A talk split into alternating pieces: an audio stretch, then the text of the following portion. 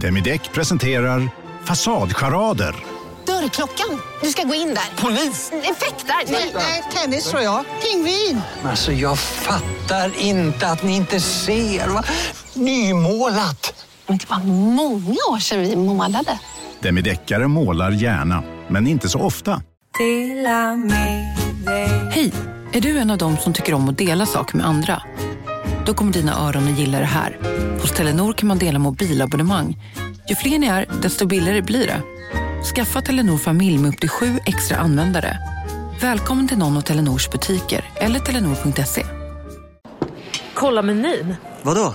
Kan det stämma? 12 köttbullar med mos för 32 spänn. Otroligt! Då får det bli efterrätt också. Lätt! Onsdagar är happy days på IKEA. Fram till 31 maj äter du som är eller blir IKEA Family-medlem alla varmrätter till halva priset. Vi ses i restaurangen på IKEA.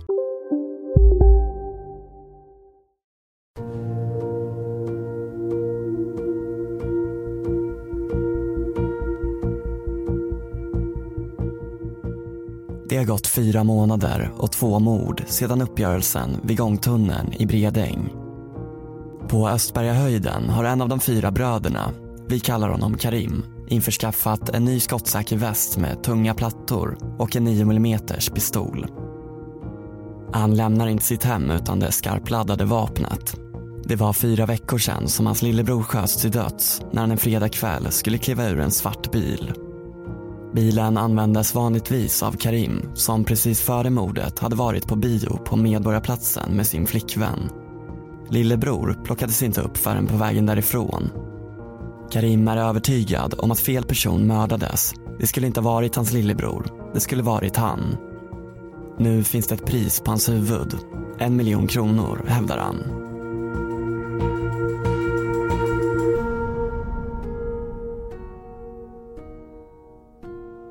Du lyssnar på en mörk historia om Östbergakonflikten och jag heter Karl Fridsjö. Del 2. Skydda sitt eget skinn.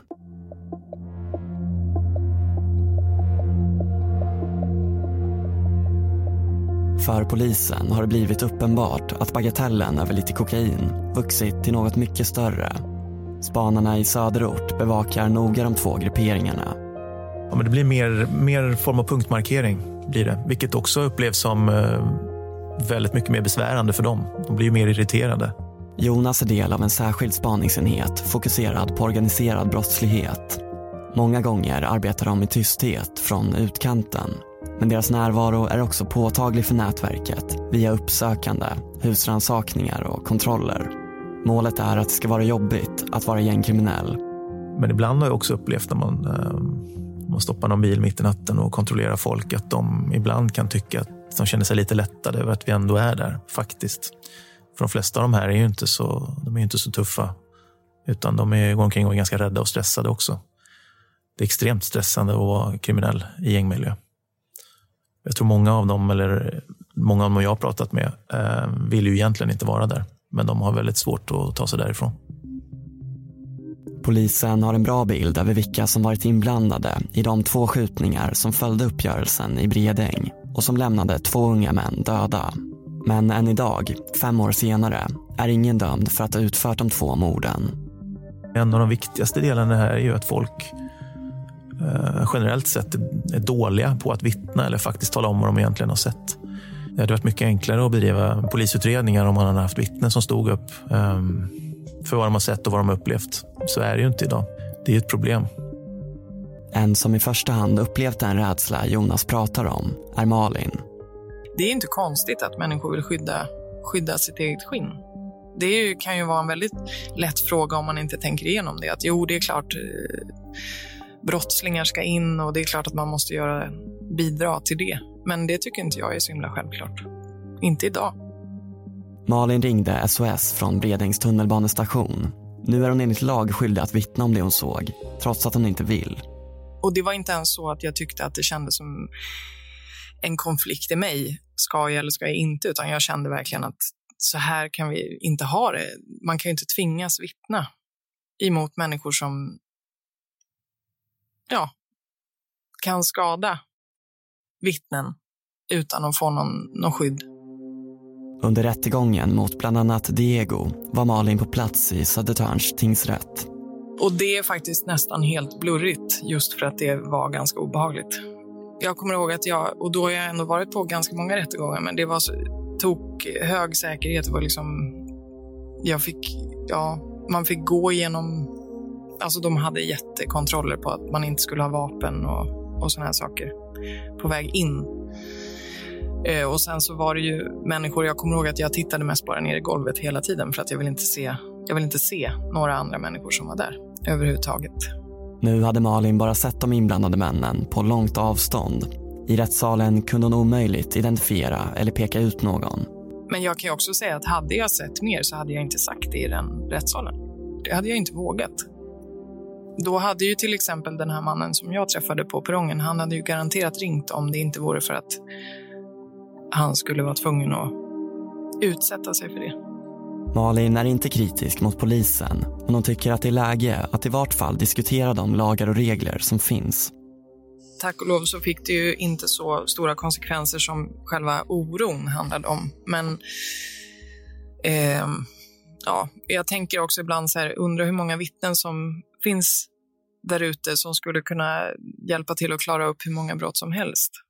Om det fanns ett annat skydd just för ja, den typen av vittnen som jag träffade på perrongen till exempel. Rickard Hugosson, som arbetat länge med konflikten mellan Östberga och Bredäng, känner igen Malins rädsla. Oerhört påfrestande.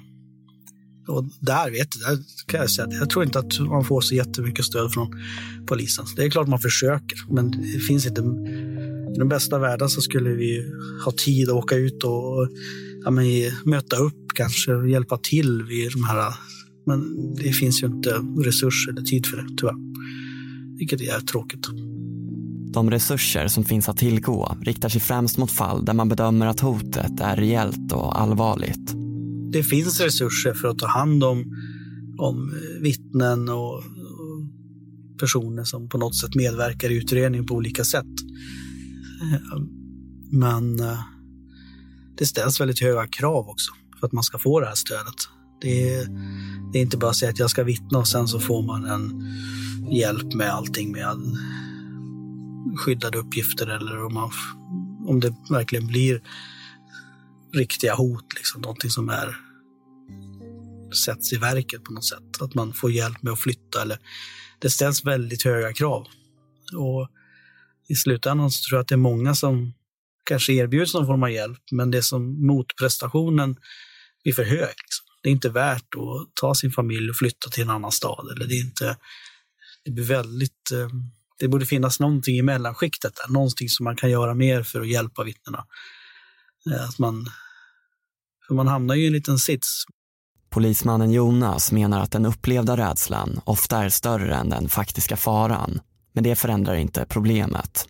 Jag blir alltid lika glad när det är folk som faktiskt sträcker på sig och talar om vad de har sett och, och kan stå för det hela vägen också.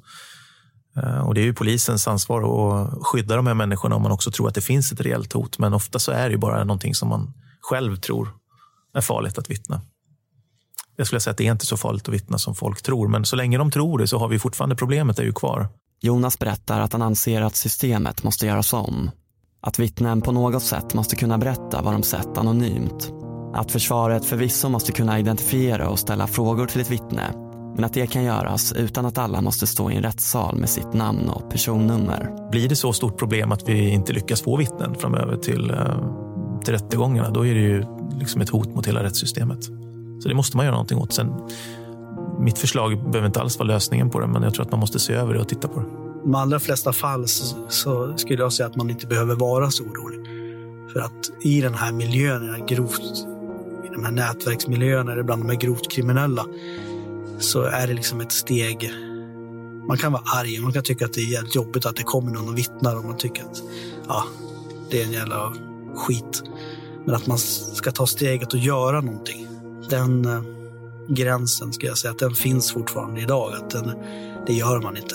Då ska det vara något väldigt, väldigt exceptionellt som, som gör det. Men eh, ytterst ovanligt.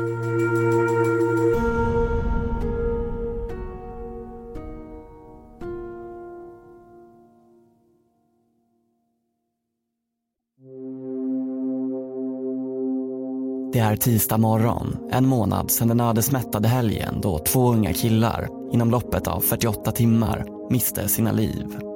Nu befarar Jonas och hans kollegor att våldet ska trappas upp. Vi höll det väldigt sannolikt att det kom, skulle bli några hämndaktioner eftersom allting pekade på att de ursprungliga gärningarna eh, hade redan varit mellan Bredäng och Östberga. Och nu hade man blivit eh, ja, med en familjemedlem då i familjen. Eh, och pe allting pekade på att det var Bredängshållet som låg bakom det, på den, när vi utredde det i alla fall. Eh, så vi visste att det fanns ett hämndbegär här. Deras spaningsarbete innefattar inte bara underrättelseverksamhet utan en viktig del är också att ligga steget före och förhindra mer våld. De har vid det här laget börjat få en bra bild över vilka personer och vilka bilar som inte bör röra sig i vissa områden. På den här tiden hade vi mer eller mindre delat in söderort i olika zoner där vi ansåg att vissa skulle kunna vara lite riskfritt och andra kunde inte vara där riskfritt. Och det var ju med hänsyn till konflikten. Vi visste ju vilka sidor det rörde sig om ungefär, vilka roller de hade. Så att om en person från den ena sidan eller någon zon åkte in i en annan, då blev ju det lite varningslampa på det. Då. En av personerna som inte ska röra sig hur som helst är Karim och hans silverfärgade Audi. Våldsspiralen som följt det han trodde skulle bli en hederlig uppgörelse vid Bredängs tunnelbana tycks besvära honom. Han ska senare upp i att det finns ingen manlighet längre. Förut körde man med handen, man mot man. Nu kommer en snorunge och tar fram vapen på dig. Um, hörde på radion att, att uh, hans bil var på väg åt fel håll om man säger så. När varningen kommer sitter Jonas och hans kollega på stationen i Västberga och avrapporterar ett sent arbetspass under gårdagskvällen. Vi slängde oss ut egentligen hals över huvud och försökte fånga upp bilen och se var den skulle kunna vara någonstans. Åkte mot eh, den sista adressen som vi fick position på. Samtidigt som Karim rör sig mot Bredäng rullar en vit Mercedes C63 omkring i området. I den sitter två ledande individer från Bredängsgrupperingen. Det handlar ju bara om att få stopp på de här två. Vem det än må vara så att de inte träffas. För risken, är, ju speciellt på dagtid, är ju att tredje man kan komma till skada också. I bilen lyssnar Jonas och kollegan in på kommunikationen mellan andra spanare som redan befinner sig i området. Sen låg vi med på talgruppen och bevakade också. Även, um, um, vi hade några olika radioapparater med, så man ligger på olika talgrupper när man arbetar beroende på vilken insats man är i. Men då gick det ut på en annan talgrupp att det hade varit en skjutning i Bredäng ungefär eh, när vi var på väg åt det hållet. Det som inte får hända händer. Karim, som vanligt utrustad med sin skottsäkra väst och pistol, får syn på den vita Mercedesen. De två männen i bilen är inte beredda när skotten börjar eka mellan bostadshusen. Polis 112. Jag blivit skjuten. Jag åker i bilen. Jag blir jagad. Jag har fått flera skott mot min bil. Ingen blivit träffad, men bilen är söndersmattrad. Sekunder efter att kulor smattrat mot karossen på den vita Mercedesen ringer föraren in till SOS Alarm. Han kör vilt för att skaka av sig Karim samtidigt som han försöker förklara för operatören vad som händer. Vad är det för skott? Jag vet inte. Det är pistolskott. Okej. Okay. Jag vet inte. Jag är jagad, så du vet, jag känner mig vild. Vad sa du? Jag blir jagad, så ni vet om det. Jag känner mig vild. Eh, så det var ganska många enheter på väg ut vid det här läget. Men det var jag och min kollega låg ju närmast där så vi fick ju upp den här bilen så småningom. Då. Är säker på att det är skottlossning? Ja, jag såg, jag såg pistolen med allting. Snälla kom igen nu. Man blir jagad Peter, på E4. I närheten av Älvsjömässan får Jonas och hans kollega i civilbilen syn på Karim. De lägger sig bakom hans silverfärgade Audi. Jag tror att han hade sett oss um redan innan vi slog på ljud och ljus. Att vi diskuterade när vi skulle göra det, för vi visste ju att nu har han sett oss. Så vi satt väl eh, sinsemellan lite grann och planerade för att undra var han skulle kunna dra någonstans om han inte stannar, så att vi hade det i bakhuvudet också. Eh, samtidigt är vi medvetna om att han antagligen är beväpnad också efter skjutningen, så det är ju lite, det är lite puls. Efter att ha förvissat sig om att det finns fler poliser i närheten som kan stötta vid det potentiellt livsfarliga ingripandet slår de på blåljusen det tar inte många sekunder innan han trycker på gaspedalen. Sen så blir det åka av. Då, så att han, då ökar han hastigheten ganska ordentligt och vi hänger på. Han sticker upp på trottoaren för det står en lastbil i vägen. Uh, så han åker upp på trottoaren och kör och bara där är ju liksom en liten fingervisning om vart det ska bära av någonstans. Uh, jag för mig också att det var någon kvinna som fick hoppa undan och höll på att bli påkörd av honom där. Så att där var ju fast beslutad om att han, vi skulle stoppa honom. Sen är det ju bara frågan om hur och, och när. Då. Samtidigt som Jonas och hans kollega tar upp jakten för att försöka stoppa Karim är Bredängskillarna i den vita Mercedesen på väg åt motsatt håll mot centrala Stockholm. De vet inte om de fortfarande är jagade. Vad vet du vad det är för bil som jagar dig? Vadå? Du blir jagad i en bil. Var, vart, vart är det Jag har min uppfattning. Jag, jag kör bara. Alltså, jag, jag, Södergående eller norrgående? Jag är norrgående. Jag kör in mot stan. Jag, tar- jag kör mot säkra. Är du på Essingeled nu eller? Ja, jag är på Essingeleden. Jag, jag, jag, jag, kommer, jag kommer hämta min något möta upp mig där vid eh, O'Learys eller någonting. Ja, men du, vad har du för telefonnummer? Jag tror vi börjar resonera lite i bilen så gott det går. Med allt är rätt mycket oväsen och både sirener och radiotrafik och, och sådär. Men eh, lite snabb överläggning bara hur vi ska få stopp på honom om vi inte lyckas eh, få in honom i en återvändsgränd eller liknande. Där och då vet inte Jonas om Karim lyckats mörda någon av männen i Mercedesen eller inte. I den här typen av situationer så är det, alltid, det är ju blixtsnabba bedömningar. Det beror lite grann på hur grovt brottet är också. I det här fallet så är det ju vad vi trodde var i alla fall mord eller mordförsök. Så är det ju liksom, då kan man gå, det är ganska proportionerligt och, och gå ganska långt för att få stopp på den här bilen. Framförallt också stoppa färden, för största risken är ju fortfarande det att han kör på honom på vägen när han är ute och, och drar. Jakten fortsätter in bland Hagsätras gångvägar och hyreslängor. Han kör aggressivt, ryckigt, han försöker skaka av oss så gott han kan. Um, jag har för mig att han har ganska bra motor i den här bilen också. Men det, så det går ganska fort och det är lite fart upp som det flygs över och så vidare. Men vi behåller, vi håller honom framför oss um, ett bra tag.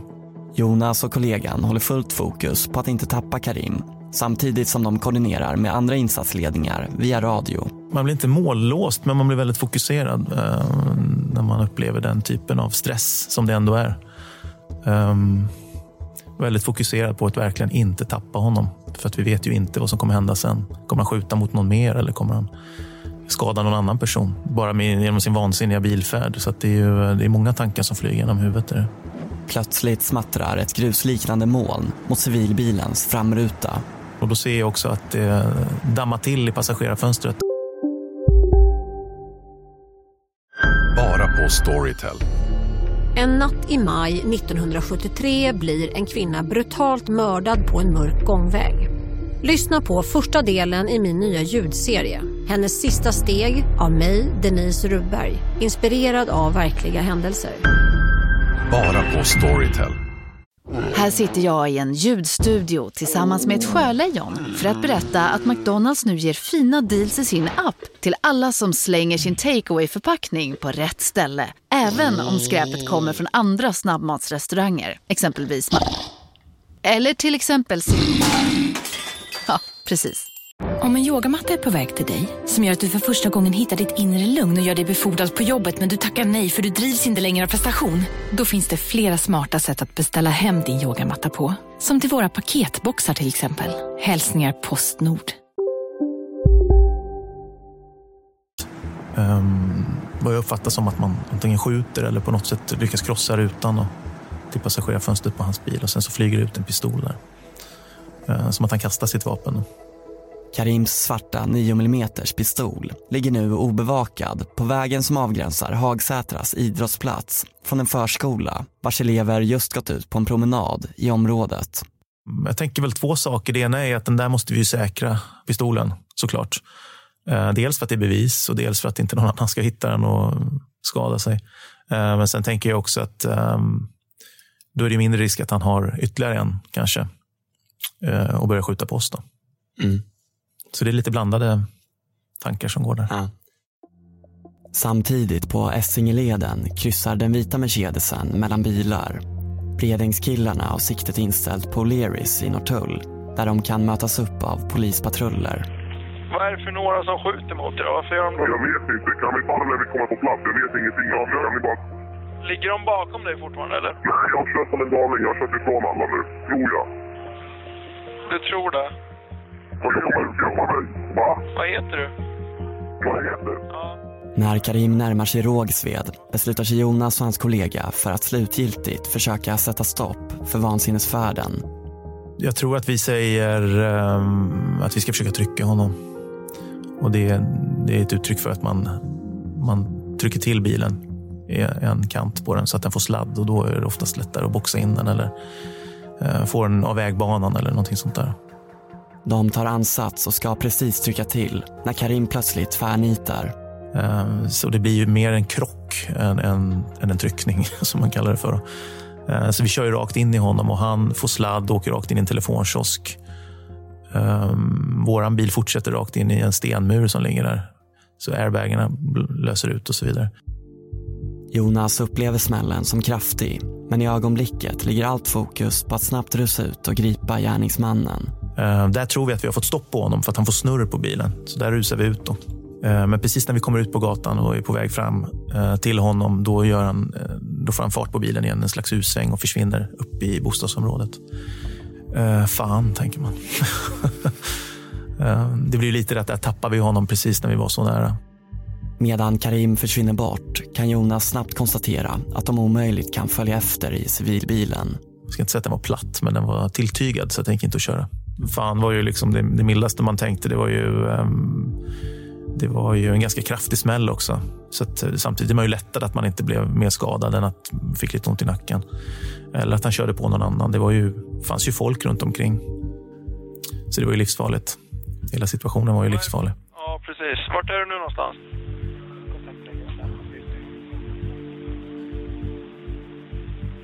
Ja.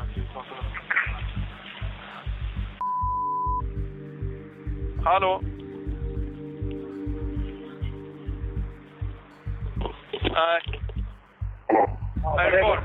Ja. Vilka, hur många är ni i bilen? Två. Vem är det de är? Är du som kör eller? Det... Ja, det är jag som kör. Ja. Det är ingen som är skadad? Nej, alltså, alltså om du ser om fotbollen är så kommer det... Det är ett mirakel. Vart är du nu, hör du? Nu, eh, nu är jag exakt i kurvan här samt Eriksplan. Jag är in till om exakt en minut. Är det någon patrull där eller? Jag vet inte om det är någon där just nu, men... eh, Har du skickat någon patrullbil? det, vi har skickat jättemånga patruller uh, för Okej, bra. att lösa det här. Bra. Jonas och kollegan är omtöcknade efter krocken men har inte tid att känna efter hur pass skadade de blivit. Just där och då känner man inte det, utan då har man ju lite adrenalin i kroppen också. Men det handlar ju fortfarande om att liksom försöka mm, avrapportera på radion vad det är som har hänt, vilken riktning han tog, så att alla andra kan få en bra lägesbild över vad det är som faktiskt har hänt. Eh, nej, men sen får vi, på, får vi reda på radion ganska kort därefter att han är gripen precis i närheten. Så att, eh, jag tror att bilen pajade faktiskt. Eh, och han försvann upp på någon gräsmatta eller gräsplätt och sen så blev han, eh, tror jag piketen kom och grep honom precis i anslutning till oss. Vad tänker ni när ni får den informationen? Eh, Då byts ju fan till ett yes istället, så att det kändes ju bra såklart. Det var ju an- extremt angeläget att få tag på honom där. Och du...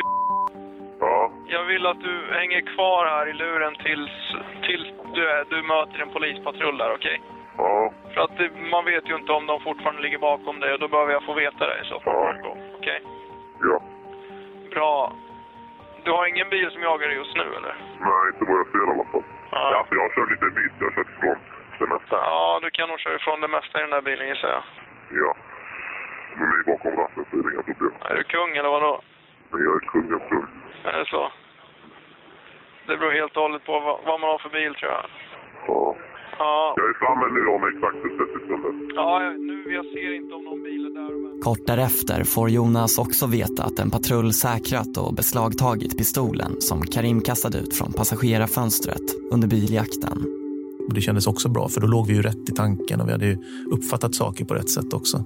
Det är bra att få det bekräftat, speciellt när det har hänt någonting som är lite dramatiskt runt omkring. Ja, det är ingen jättebra resa genom södra Stockholm som sker. Rickard Hugosson. Hela, hela det förloppet är ju lite märkligt egentligen. Alltså. Det, om det hade varit jätteplanerat, liksom att han har lagt upp någon plan med hit och dit, så hade det nog inte skett så här. Utan att det här är någon, jag vet inte om det sker någon form av affekt, men det, det är, han, ja, det, det är lite, det är ju inte så som det brukar gå till. Karim ska senare i förhör uppge att han under morgonen rökt Spice, en cannabisliknande nätdrog som 2013 fanns att köpa i många lagliga varianter. Jag tror inte att det är en slump att åker in i Bredäng. Vid den här tidpunkten eh, tror inte jag är en slump. Utan jag tror att han åker dit för att han, hans bror har blivit mördad. Han är ledsen och arg och upprörd. Någon form av hämndgrej som var tanken. Annars skulle inte han åka själv in i Bredäng. Det är min egna teori i alla fall. Sen är det ju ofta så att även om de riktar eh, våldet mot varandra i den här konflikten så är det ju så att de är ju, tar inte jättestor hänsyn till andra runt omkring bara för det heller, utan det är ju både vi och tredje man är ju liksom i riskzonen när de far omkring och skjuter. Så är det ju bara. Så det blir ju lite High Chaparral. Det är ju, eh, och det är ju jättefarligt för andra runt omkring att hamna i de här människornas väg. Det är ju det. Även om de inte har för avsikt att uh, skjuta någon annan just då så bryr de sig inte om om någon annan blir träffad heller. Jag tror vid det här tillfället så flög det in en kula rakt in i en balkong där det var en person som satt mitt på dagen och drack kaffe. Så det var ju ren tur att inte någon annan blev dödad också. Så det är väl den här likgiltigheten, empatilösheten liksom, som är lite... Ja. Det är lite skrämmande, tycker jag. Mm. Att man är beredd att gå över precis vad som helst för att, för att klippa någon från motståndarsidan. Mannen Jonas pratar om satt i sin lägenhet halv elva på tisdagsmorgonen och spelade tv-spel. Plötsligt hör han fem höga smällar och en kula krossar fönstret till hans inglasade balkong, penetrerar husväggen och landar till slut på en barnmatta mönstrad med bilvägar och färgglada hus. Han berättar att hans tioårige son nu känner ett obehag av att vara hemma hos sin pappa. Jag tror att man är så fast besluten på att man, man ska genomföra det som man har bestämt sig för att göra. Och då, då tar man de risker och det som behövs. Det är ju läskigt när man liksom medvetet väljer att trappa upp sättet på hur man gör det. Ehm, ja, det är ren, ren tur får man säga. Vid flera av de här morden och mordförsöken är det ju ren tur att ingen annan har blivit drabbad på det sättet att man har att ingen har dött på grund av förlupna kulor eller blivit påkörd av en bil eller det är ju det är bara ren tur. Så. Och det är ju väldigt oroväckande. Jag vet att det stod någon, några dagar senare, tror jag stod, läste i någon tidning att det hade legat ett dagis precis i anslutning också. De var ju jätteupprörda de som var där inne. Jonas och hans kollegas ingripande möts av reaktioner från allmänheten. Men på grund av sekretess kan de vid tillfället inte förklara omständigheterna kring varför de agerade som de gjorde. Att de jagade en potentiell mördare som försökt skjuta ihjäl minst två personer. Då vill man på något sätt kunna gå ut och berätta varför och varför det blev som det, varför vi gjorde den bedömningen och så vidare. Men det kan man inte då, så man får tyst bara sitta och läsa och inse det att de har en annan bild av vad som hände och utgår ifrån att de är oroliga såklart. För att det hände så dramatiska grejer utanför där deras barn lämnas. Det förstår jag ju fullt ut också. Men man är väldigt det är frustrerande att inte kunna förklara just då, för det är förundersökningssekretess som man lägger in i ett ärende som är väldigt känsligt. Det går inte att berätta någonting för någon egentligen. Men det är man ju sugen på att göra. Ehm, rent mänskligt. Man vill ju förklara. Jonas menar att det blixtsnabba valet av plats ändå var väl övervägt. Ehm, vi hade ju sett miljön runt omkring där vi gjorde det var ju säker. Men jag menar även om det de upplever och hör, även om det är hundra meter bort, det är ju jättedramatiskt för dem. Så jag förstår ju att de tycker att det är extremt obehagligt. Och det var det ju såklart. Eh, men vi ansåg att det var proportionerligt. Med facit i hand ska det riskfyllda gripandet av Karim bli en stor framgång för poliserna i söderort. Händelsen lämnar mot alla odds inga bestående skador. Inte ens på passageraren i den vita Mercedesen vars huvud är centimeter från att träffas av två kulor från Karims Glock. Fyra månader senare förkunnar Södertörn tingsrätt sin dom. Karim döms till sju års fängelse för försök till mord. Vid den här tidpunkten skulle jag säga att hade väldigt stor ledande roll i, i Östberga. Domen blir ett hårt slag mot Östberga-nätverket som redan var försvagat efter mordet på Karims bror. På mindre än ett halvår har bråket vid Bredängs tunnelbana mynnat ut i två mord och två mordförsök. Men vansinnesfärden genom Bredäng och Hagsätra innebär ett nytt, mer hänsynslöst tillvägagångssätt. Gränsen för hur långt man är villig att gå för att få sin hämnd har flyttats fram. Det är en ny nivå av likgiltighet inför allmänheten. Hela grejen har ju trappats upp. Backar man ett antal år tillbaka i tiden, då var ju det klassiska mordet, det var ju liksom i en tom park på natten, någon vart skjuten med en pistol. Nätverket må vara kraftigt försvagat, men under tiden Karim avtjänar sitt straff kommer nya personer kliva fram till makten. Under tiden som han sitter och på anstalt så har det varit som har varit ute i alla fall styrt väldigt mycket och det är väldigt uppenbart att han är liksom den som styr de här. Och vansinnesfärden kommer att föra hämndaktionerna som följer i en ny riktning. Man vill alltid göra det lite värre. Kanske lite, som du säger, lite maktdemonstration också. Att ja, ni gjorde det här, men nu, titta vad vi kan. Vi har minsann muskler, så kom inte att kaxa upp. Att det är en upptrappning i alla fall på våldet och på sättet som man gör det här. Det är för, mig, för min del i alla fall väldigt uppenbart.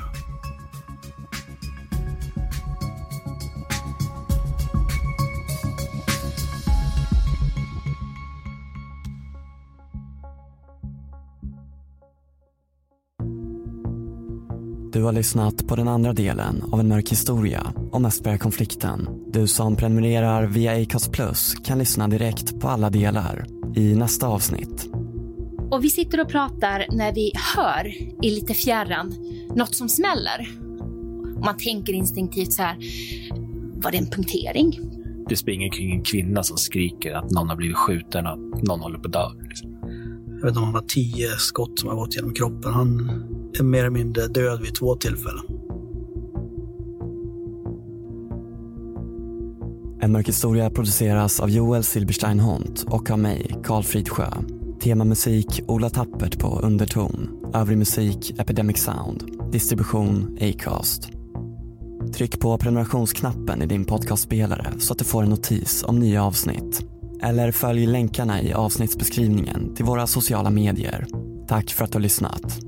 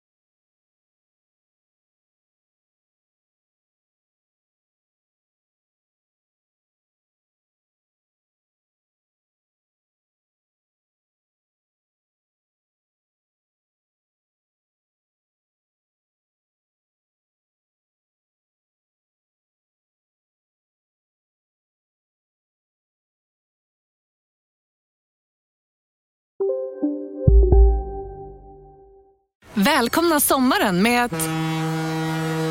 Res med Stena Line i sommar och gör det mesta av din semester. Ta bilen till Danmark, Tyskland, Lettland, Polen och resten av Europa. Se alla våra destinationer och boka nu på stenaline.se. Välkommen ombord! Hej, Susanne Axel här. När du gör som jag och listar dig på en av Krys vårdcentraler får du en fast läkarkontakt som kan din sjukdomshistoria. Du får träffa erfarna specialister, tillgång till lättakuten och så kan du chatta med vårdpersonalen.